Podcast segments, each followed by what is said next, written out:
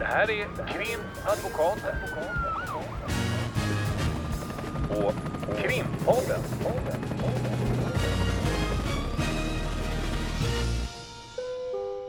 Parter och ombud kallas till sal 32. Ja, idag så eh, har vi En gäst. för första gången faktiskt. Och det är en person som vet hur det är att vara på insidan. Vi har ju suttit här i avsnitt efter avsnitt och pratat om hur det är utifrån vad vi har hört ifrån personer som bland annat har suttit häktade. Nu har vi dig med oss. Jättekul! Välkommen! Tack så mycket. Tack, tack.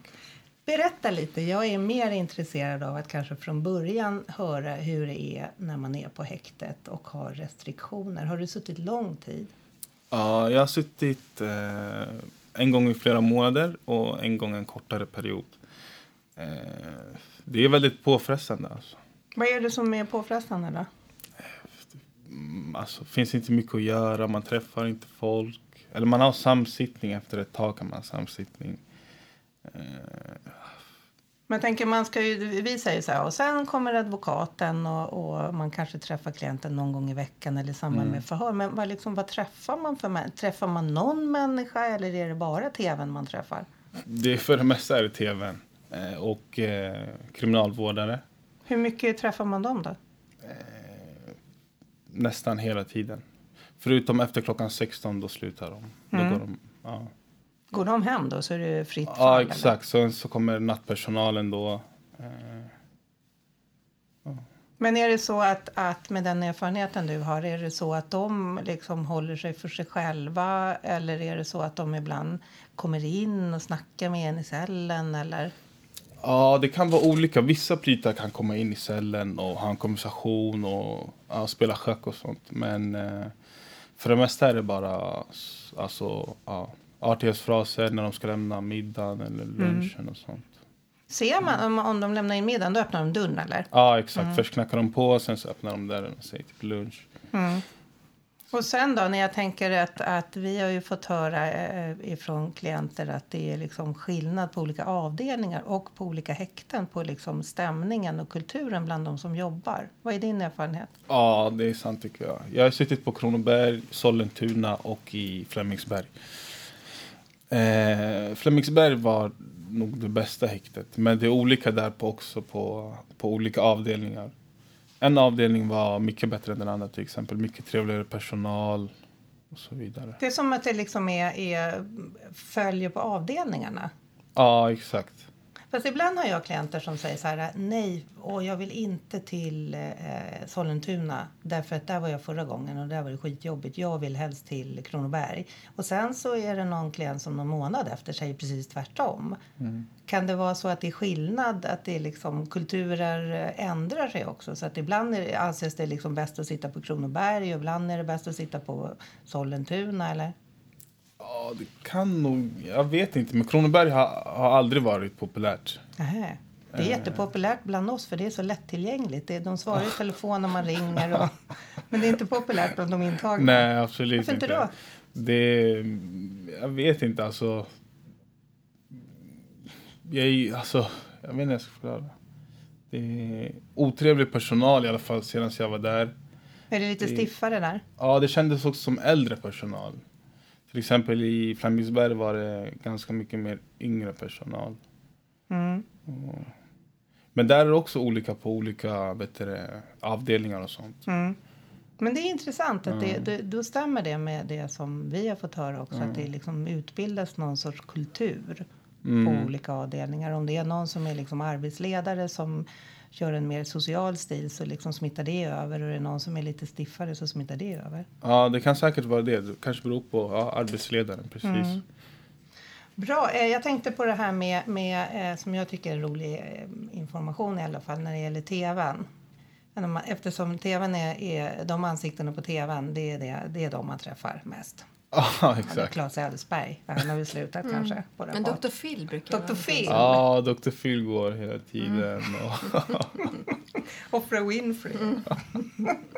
Men eh, man har ingen remote, man kan inte byta kanal. nej, man måste... Ja, man måste gå fram till tvn och klicka på knappen på sidan. Men ibland kan folk dra loss lakanet och eh, göra, en, göra ett snöre som de, sätt, som de hakar på i eh, den här knappen på sidan. Så kan de dra i den. Så, En mekanisk lakansremote. ja, exakt. Visst är det väl så att den där tvn sitter fast lite uppe på väggen?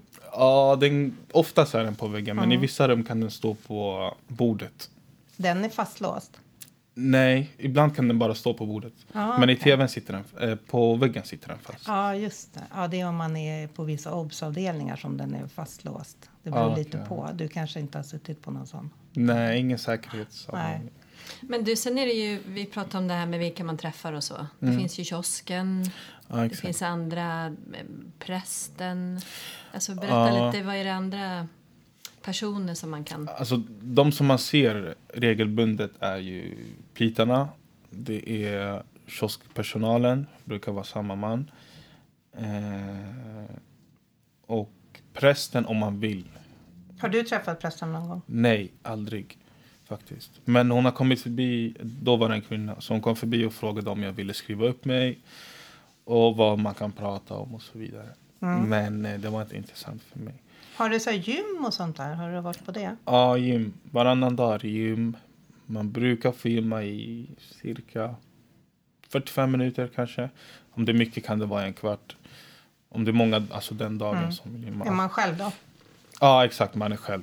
Sen är det så här, de som har ett udda intagningsnummer gymmar på udda datum. Och eh, så de, de har olika aktiviteter. Eh, an, på jämna datum kan det vara film, att man får gå ut och kolla på film. Och på ojämna kan det vara gym. Men när man ska kolla på film, får man vara med andra då? Ja, om du har en samsittare så får du gå med samsittare. Bara då? Ja, bara ni två. Men du, jag hörde, jag har hört eh, på flera häkten att de har någon sorts yoga nu. Eh, ja, yoga kan man skriva upp sig på. Ja, har du gjort det någon gång? Nej, faktiskt. Jo, jag skrev upp mig, men jag hann inte. Va- jag var med på ett pass faktiskt.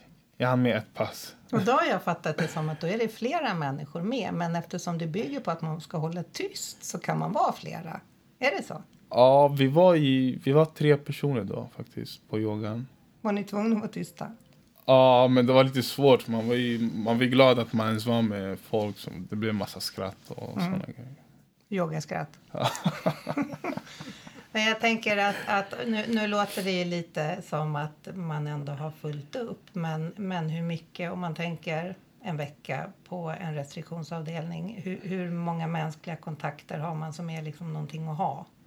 Eh, alltså, vårdarna är ingen som...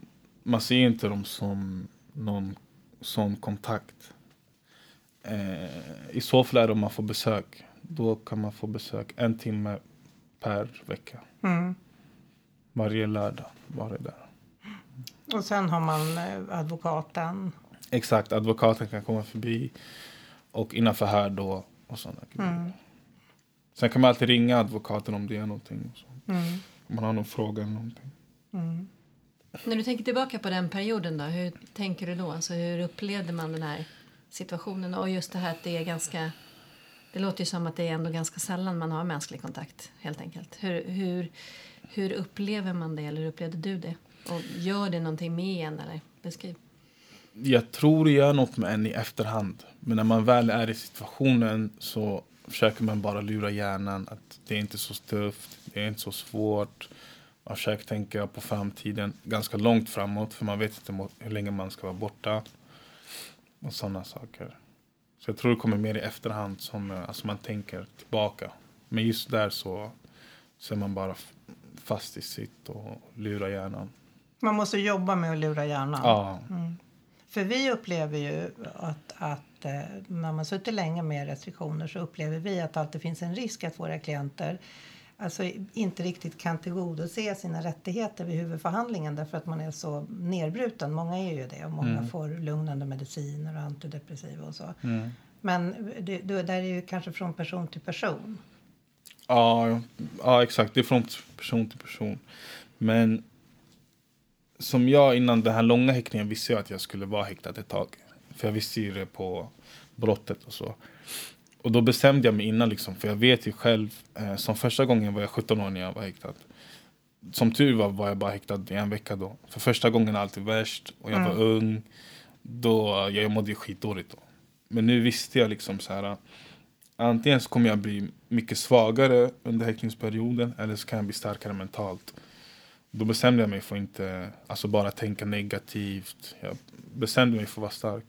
Men hur gör man då? Liksom, hur, hur ockuperar man hjärnan? Jag tänker att när jag ska ockupera min hjärna så brukar jag eh, sitta och knäcka Netflix eller läsa eller titta på tv eller babbla med folk liksom, så att man inte blir ensam med sina egna tankar. Hur gör man då när man ändå sitter inlåst 24-7 i stort sett, 23? Man låtsas bara tänka så här, ah, men det här är inte värsta grejen.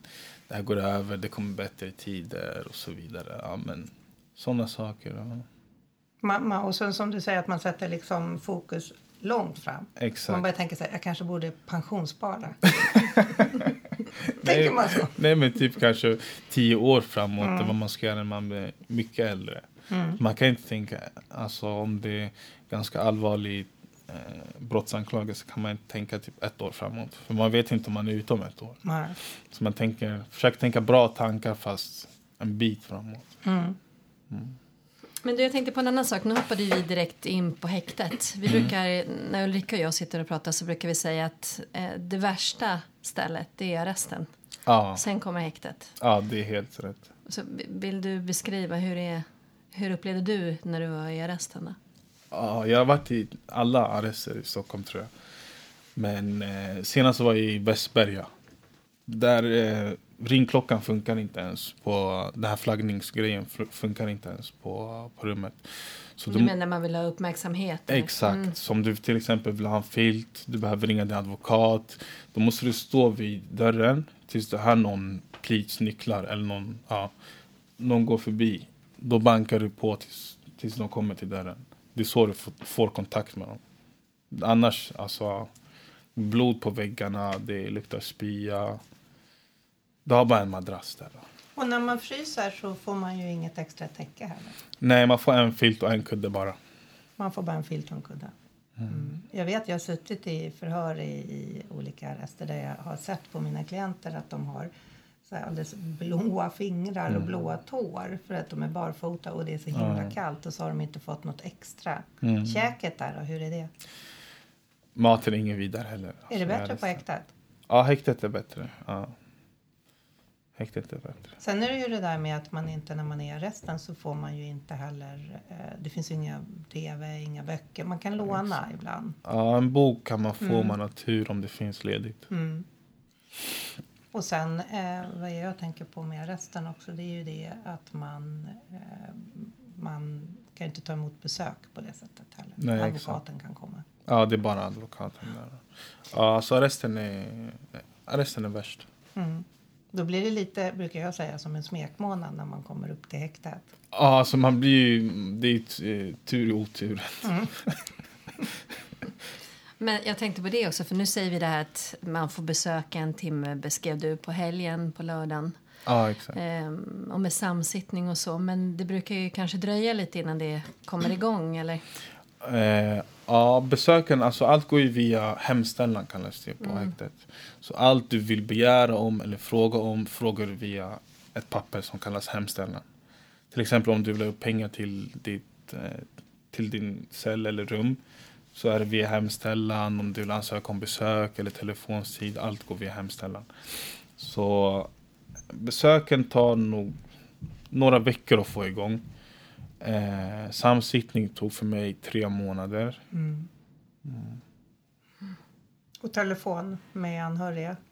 Jag fick bara ett telefonsamtal faktiskt. Det är ankomstsamtal kallas det. Okej. Där jag fick ringa min mamma då. Mm.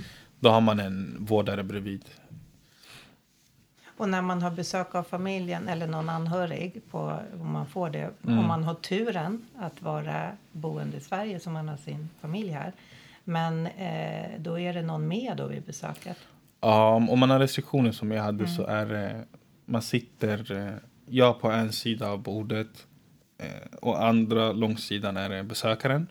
Och sen på kortsidorna på varje sida är det en plit på varje sida. Mm. Ingen kontakt eller någonting. Får man inte ta på varandra? Nej, nej, nej. Om ens mamma kommer och hälsar på får man inte krama henne då? jag, jag hade ju många besök eftersom jag var borta i många månader. Mm. En gång så var det några snälla plitar, då fick jag krama faktiskt. Mm. Ja. Alltså fysisk kontakt har vi inte tänkt på. Det har man ju Nej, man ingenting. får inte. Man får krama tvn. TVn och kuddarna. Ja. Och inte med vårdarna heller, eller de gör inget klappa axeln eller något sånt där som man får någon... Mm, nej, inte jag. Men det kan vara från person till person också, hur bra kontakt man får med vet du, ja. Bra. Jag tänkte att vi skulle prata lite om förhör. Mm. Då tänkte jag så här att vi, eh, vi brukar ofta säga när vi pratar i den här podden om att det är skillnad på amerikansk film och hur det fungerar i Sverige. Och det är också skillnad på amerikansk film och hur det fungerar i USA. Men man tror ju på något sätt att det fungerar som det gör på alla deckare eller så. Eh, och där är det advokaten som säger till klienten nu är du tyst, nu berättar jag eh, vad de ska göra eller vad du har för inställning och du är tyst nu. Så går det ju inte till. Och, och, eller så att man också tror, jag tror att det är en ganska spridd föreställning att advokaten när man har pratat med klienten innan förhöret säger det här är det du ska säga och så här ska du lägga upp det. Och hur är det? Berätta, hur är det att vara på förhör med en advokat? Alltså innan förhöret så berättar du till advokaten vad du vill. Alltså om situationen och, och vad du vill säga. Men advokaten får inte alltså, lägga ord i mun på dig eller säga så här ska du säga eller någonting sånt. Så du berättar till advokaten ungefär alltså, det här har hänt, det är så, så, så. Men det är fortfarande din egen historia. Och hur, hur, märker man, hur vet man det? För om man bara kollar på amerikansk film så tänker man det här var en crappy advokat som inte talar om för mig vad jag ska säga. hur, hur vet man det? Säger advokaten till det eller liksom? Eh, ja, eller jag vet inte, jag har bara haft en advokat sen, jag, sen för mitt första eh, fall då. Men eh, jag, jag tror de säger till också, men om man inte har själv fattat det innan. Och sen, då, sen kommer polisen in och så börjar de hålla sig. Oftast är det två poliser och sen är det man själv då, då och sen är det advokaten sitter och antecknar som en blådåre. Eh, eh, vad, vad känner man då? Då, då är, känner man sig ganska ensam eller känner man, vi tror ju att man känner någon sorts stöd av sin advokat men det är kanske bara vad vi inbillar oss. Nej, alltså att ha en advokat mer en stor trygghet alltså. Vad består tryggheten i då? Eh, alltså det känns bara, jag, jag skulle inte kunna tänka mig att ha ett förhör utan min advokat. Men det är också för att jag alltid haft det kanske. Jag vet inte, men det är en trygghet. Du kan avbryta när som helst under förhöret om du har någon fråga. Det är många som inte vet, även mina kompisar som inte vet, att du har alltid chans att avbryta om du känner dig pressad eller om du har någon juridisk fråga och sådana saker. Ja, det ska ju advokaten informera om. Att man har den rätten. Men det är bra att du informerar. om det. Ja. Men då, eh, och då har, har du upplevt eh, och att eh, poliser, om de har varit otrevliga eller om de är trevliga eller korrekta? Är det liksom... Ja, jag har haft olika. Både trevliga och otrevliga. Och, De är som människor är mest kanske. ja, ja. Men om, det är en, om, om vi säger så här, hypotetiskt, om det är en otrevlig polis, går advokaten, liksom, har, man, har man hjälp av advokaten i en sån situation? Ja, absolut. Absolut. Om du blir förpressad eller någonting så kan advokaten säga till och sånt. Om det inte går till som det ska. Det låter ju som en bra reklam för advokater att man, man kan i alla fall hjälpa klienten. Det är inte bara vad vi tror utan att det kanske är så i praktiken. Ja, advokat, ja, nej. Det är helt sant. Krimpodden. Podden. Podden. Ja, men om vi hoppar fram då till um, um, rättegången och Mm. ja, huvudförhandlingen. Vill du beskriva där? Där har vi också beskrivit det, hur det går till och om man sitter häktad att man kommer in då i, i handbojor. Mm. Hur, beskriv, hur upplevde du det?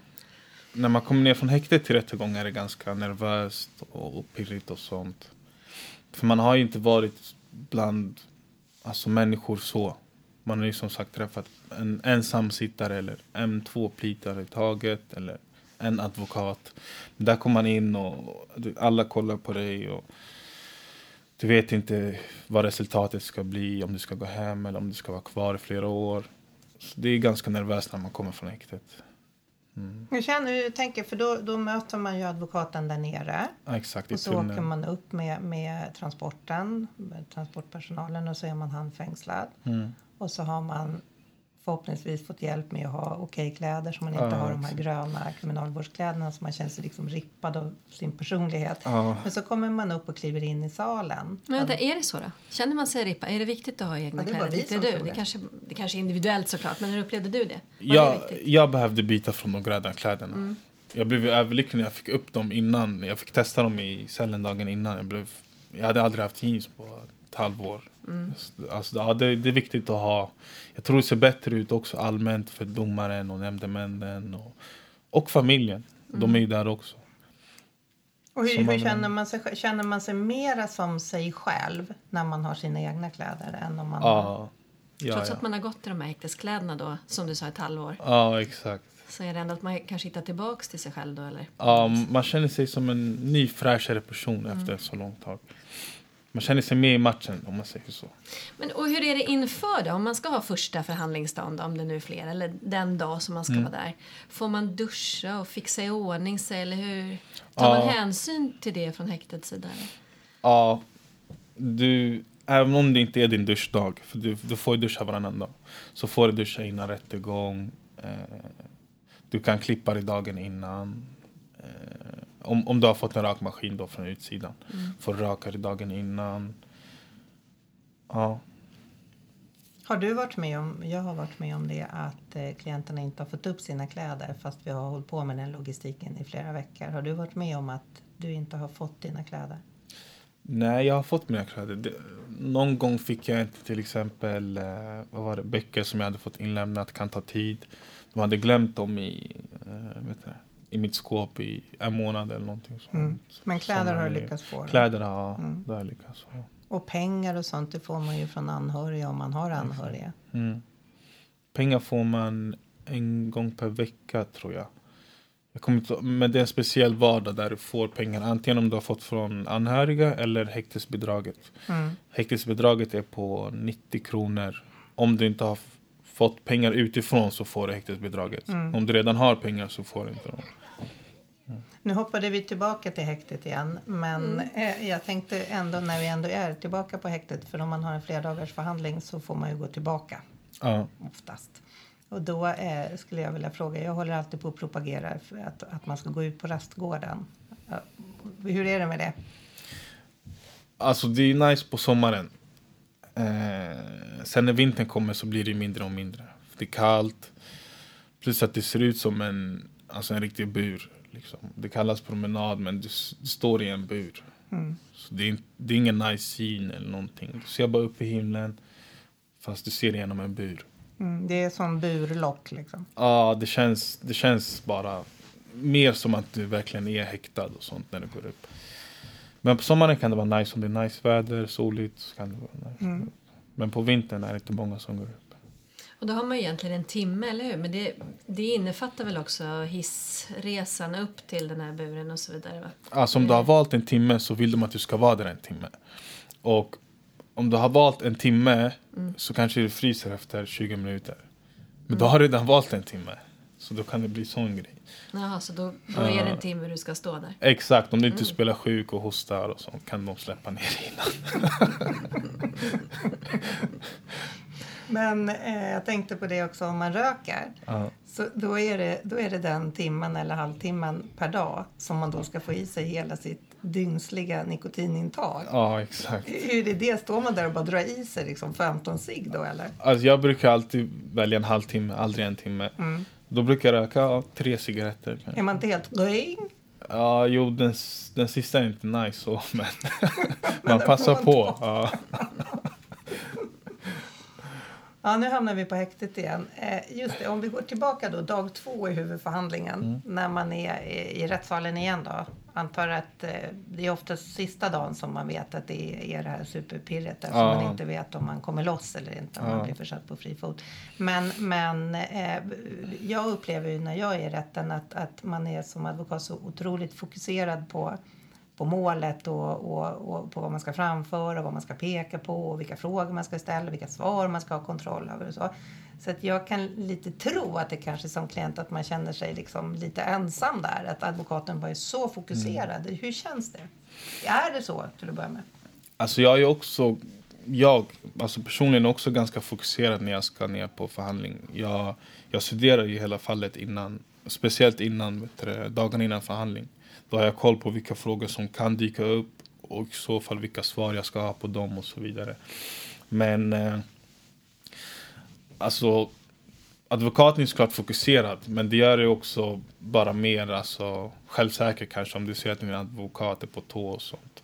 Men du kan alltid fråga grejer och, och under alltså, rättegången också. Viska till varandra till exempel. Och sånt. Och, vad- och då tänker jag med juridiken då. Man är ju, många som är, är frihetsprövade kan, kan ju inte juridik.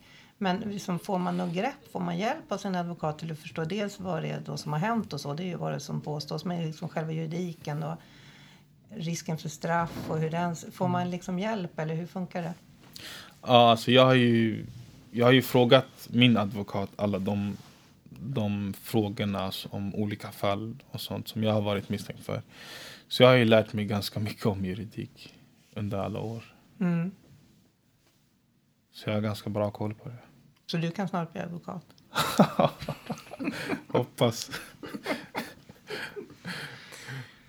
Ja. Men i övrigt då, själva förhandlingen. Alltså, mm. Där sitter domaren, eller domarna, eh, nämndemännen och den här juristdomaren. Då. Mm. Och åklagarna.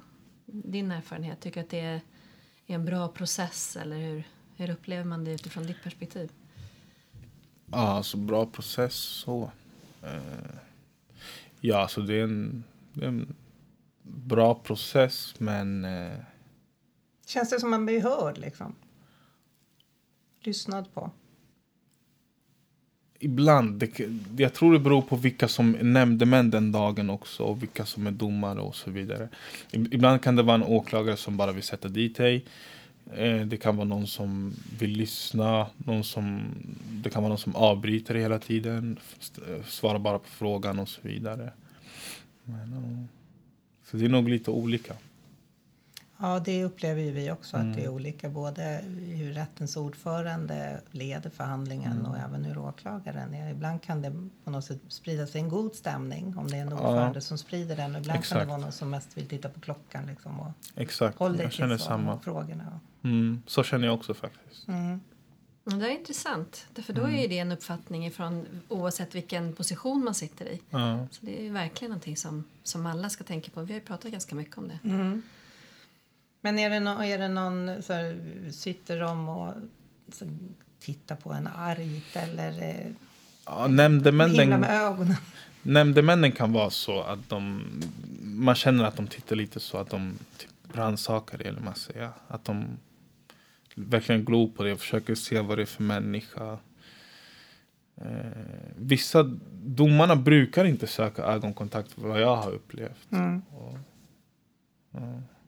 De är, också, de är också lite som vi är, att de är så fokuserade på att leda förhandlingen. Och man Mm. ska liksom hålla, det är ganska mycket regler kring allting. Och, Mm. Ja, det kan vara så. Sen är vissa domare jättenonchalanta också. Verkar som att de inte ens lyssnar på dig. hur, hur, hur, hur märker man det? Liksom? Hur får man den känslan? Jag vet inte, blicken att de kanske kollar på dig snabbt och sen bara typ, ja, vimlar med ögonen. Mm. Åklagarna då, hur, hur kan man uppleva dem? Ja, det är jätteolika faktiskt. Mm. Jag tror alla åk- åklagare jag har haft har varit så här olika. Mm. Jag har haft, ja, jag vet inte, både bra och lite dåligare åklagare. När du säger bra, då, vad menar du med? Vad är det som gör att en åklagare utifrån ditt perspektiv är bra? Att de ställer inte alltså, frågorna på för hårt sätt till exempel. Eh, att de lyssnar klart och till exempel, ja, sådana grejer. Att man får liksom utrymme att svara. Exakt, Ordentligt. du får Mm. svara. Ja, för man tänker att det här, det är ju som du säger, det är pirrigt innan man är nervös. Det, är, det är ganska viktigt det som ska avhandlas. Mm. Exakt. Så tänker jag att det skulle kännas ganska jobbigt om man liksom inte riktigt har fått fram allting. Ja. Exakt, det kan kännas som att vissa typ stressar fram med svaren. Men det kan också vara för att de vill att du ska känna dig stressad. Mm. Eller, ja. Får man hjälp av sin advokat om det blir för burdust? Ja, alltså om det inte går till som det ska så... ja. Men, och jag tänkte på en annan sak. Eh, så avslutar man förhandlingen och då ska ju alla plädera, du vet, och är sluttalet liksom. Och ibland kan ju vi kanske ha uppfattningen av att det är som att det man säger att, att från domarsidan till exempel att de gör någonting annat, de kollar kanske på någonting. Vissa är väldigt engagerade och lyssnar verkligen och visar det eller tar anteckningar och så. här. Tänker man på det utifrån ditt perspektiv eller? Det är som du sa, vissa kan sitta och anteckna i slutet och typ Mm. plocka upp sina papper men vissa lyssnar och sånt. Ja. Har man någon reflektion liksom ifrån din sida? Känns det viktigt att de lyssnar på det man säger? Eller? För det är ju ändå att man, advokaten sammanfattar ju din ståndpunkt och Ja, som exakt. talar för dig och så vidare. Alltså slutplädering är typ viktigast. Eller tänker, tror jag, som misstänkt. Så det är typ det man vill att de ska lyssna på mest. Sen så har man ju chans också eh, att prata själv i slutet, allra sist. Där kan jag också lägga till några ord och sånt säga. Vad jag känner och vad jag tycker. Och, när man tänker, för det, för det funkar ju så att först är det åklagaren som pläderar och finns det ett brottsoffer så är det målsägande beträde som den advokaten heter som pläderar. Men sist är det ju ens egen advokat, försvararen, som pläderar. Eh, b- b- det, och, och det är ju det är ju en taktik med det, är ingen taktik utan det, man ska ha försvarets plädering ringande i öronen när man sätter sig till överläggning. Det är utifrån den tilltalades perspektiv. Men när man sitter och lyssnar på sin försvarares plädering, vad, vad, som, vad lyssnar man på? Hur, hur, det är ganska mycket juridik. Ja, exakt. Det är ganska svårt att förstå varenda ord kanske. Plus att de är så fokuserade och pratar ganska snabbt. Men eh, jag förstår det mesta och försöker lyssna på allting. Mm. Och då är det ingen läge att säga vänta nu förstod jag inte för då bara ramlar man omkull. Ja, exakt. Ja, det är väldigt mycket fokus där på slutpläderingen. Och sen så blir det en paus och så har försvararen yrkat på att klienten ska försättas på fri fot. Den pausen, tänker jag som advokat, den är Ja. alltid sjukt nervös. Ja, den är värst faktiskt. Den är obeskrivlig faktiskt. så- Speciellt när det handlar om så här, långa straff och sånt. Mm. För då vet man ungefär vart det lutar åt. Om Ja. man blir kvar eller om man släpps vad det lutar åt. Exakt. Fast man vågar ändå inte tro att man ska bli släppt om det lutar åt att man ska bli släppt. Nej. Ja, men det är det där Mm. som du säger med att lägga tanken längre framåt. Att det är ingen idé att tro någonting bra för då blir man jättebesviken. Ja, verkligen. Vi kanske ska säga det också när du sa det här med att man eh, inte träffar så många människor. Nu är jag tillbaka på häktet, väldigt populär plats. Så eh, att eh, många av omhäktningsförhandlingarna sker ju faktiskt via länk på häktet. Så man är ju inte i någon rättssal. Det är man ju Exakt. kanske bara första gången och sen när man har huvudförhandlingen. Ja, För man kan ju lätt tro om man inte känner till det att man Mm. får åka till en domstol varannan vecka och ha en rättegång. liksom. ja nej, det sker på häktet bara i ett, ett rum via videolänk. Hur ja. känns det då? Känns det liksom, för då sitter ju ändå en domare i andra ändan av den här videolänken. På en skärm, liksom, Ja. på en liten tv-apparat. Jag vet inte. Jag, jag brukar inte tänka så mycket på det faktiskt. Jag brukar bara gå dit. Eh, mitt senaste fall var det bara att man, man gick dit fast ingenting skulle förändras. Liksom. Man lyssnade knappt. Och det, det är också när man väntar på tekniska analyser och sånt där. När man Ja, får besked exakt. Mm. om att det kan ta flera månader. Då, så går man dit så är det väl kanske mest för att få information från åklagaren. Ja, exakt. Det brukar vara det vanliga. Vänta på NFC och så vidare. Mm. Och det kan ju ta sin goda tid. Ja, verkligen. Men, men, men jag tänker det, det är någon av domstolarna som har börjat med att ha första eh, häktningsförhandlingen på länk. Jag satt i, i eh, arresten, Västberga tror jag det var senast, nu för inte särskilt länge sedan. Och då var först, det var en fredag, så jag tror att det kanske är på fredagarna de kör med det i Södertörn. Då, att då är första häktningen på länk ifrån arresten. Nej, det, det, det, det tyckte jag. Jag får prata med den klienten. Men jag tyckte att det kändes lite som man ska stå inför en domstol. Så sitter man i ett litet arrestrum, du vet, förhörsrummet i arresten och tittar på en tv. Och sen blir man häktad. Ja. Alltså det hade ju varit såklart mm, skönare att, gå- att vara i en domstol varje gång. Det känns också seriösare. Men eh, Ja. Alltså, för det andra, man gör ju allt för att komma ut ur rummet från häktet. Alltså Mm. bara man sätter steget ut i rummet blir man glad. Så, Ja, för förut var det ju så att då fick man ju åka iväg till domstolen och ha omhäktningsförhandling. mhm. Och då blev det lite så ibland om man pratade med klienten så sa man att det, jag ser inte att det finns en chans att du kommer ut tyvärr men om det är så att du ändå vill ha en häktning och då kunde en del klienter säga ja men det kan vara ganska skönt att få lite miljöombyte. Ja, exakt. Sitta i en bil och komma iväg. Liksom. Men så är det ju inte nu med Nej, men det är ändå byta kanske avdelning och komma till det här länkrummet och sådär. Mm. Så att det händer ju någonting annat eller? Ja, bättre det än i, i cellen.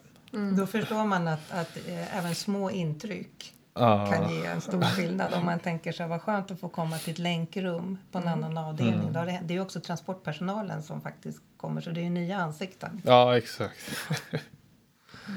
Ja, nu har vi eh, förhört dig här, eh, eller vad vi ska kalla det, i 25 minuter. Yes. Men eh, vi har ju säkert inte... Det kan vara frågor som du har funderat över eller är det någonting du skulle vilja lägga till? Nu låter jag som att jag är i rättegången. Är det Ja. någonting jag har missat att säga som du gärna vill ta upp? Nej, faktiskt inte. Nej, men då tycker jag att vi avslutar och tackar dig extremt mycket för att du Verkligen. tog dig tid. Tack själva. Jätteintressant. själva. Värdefullt. Tack. Tack. Tack. Krimpodden.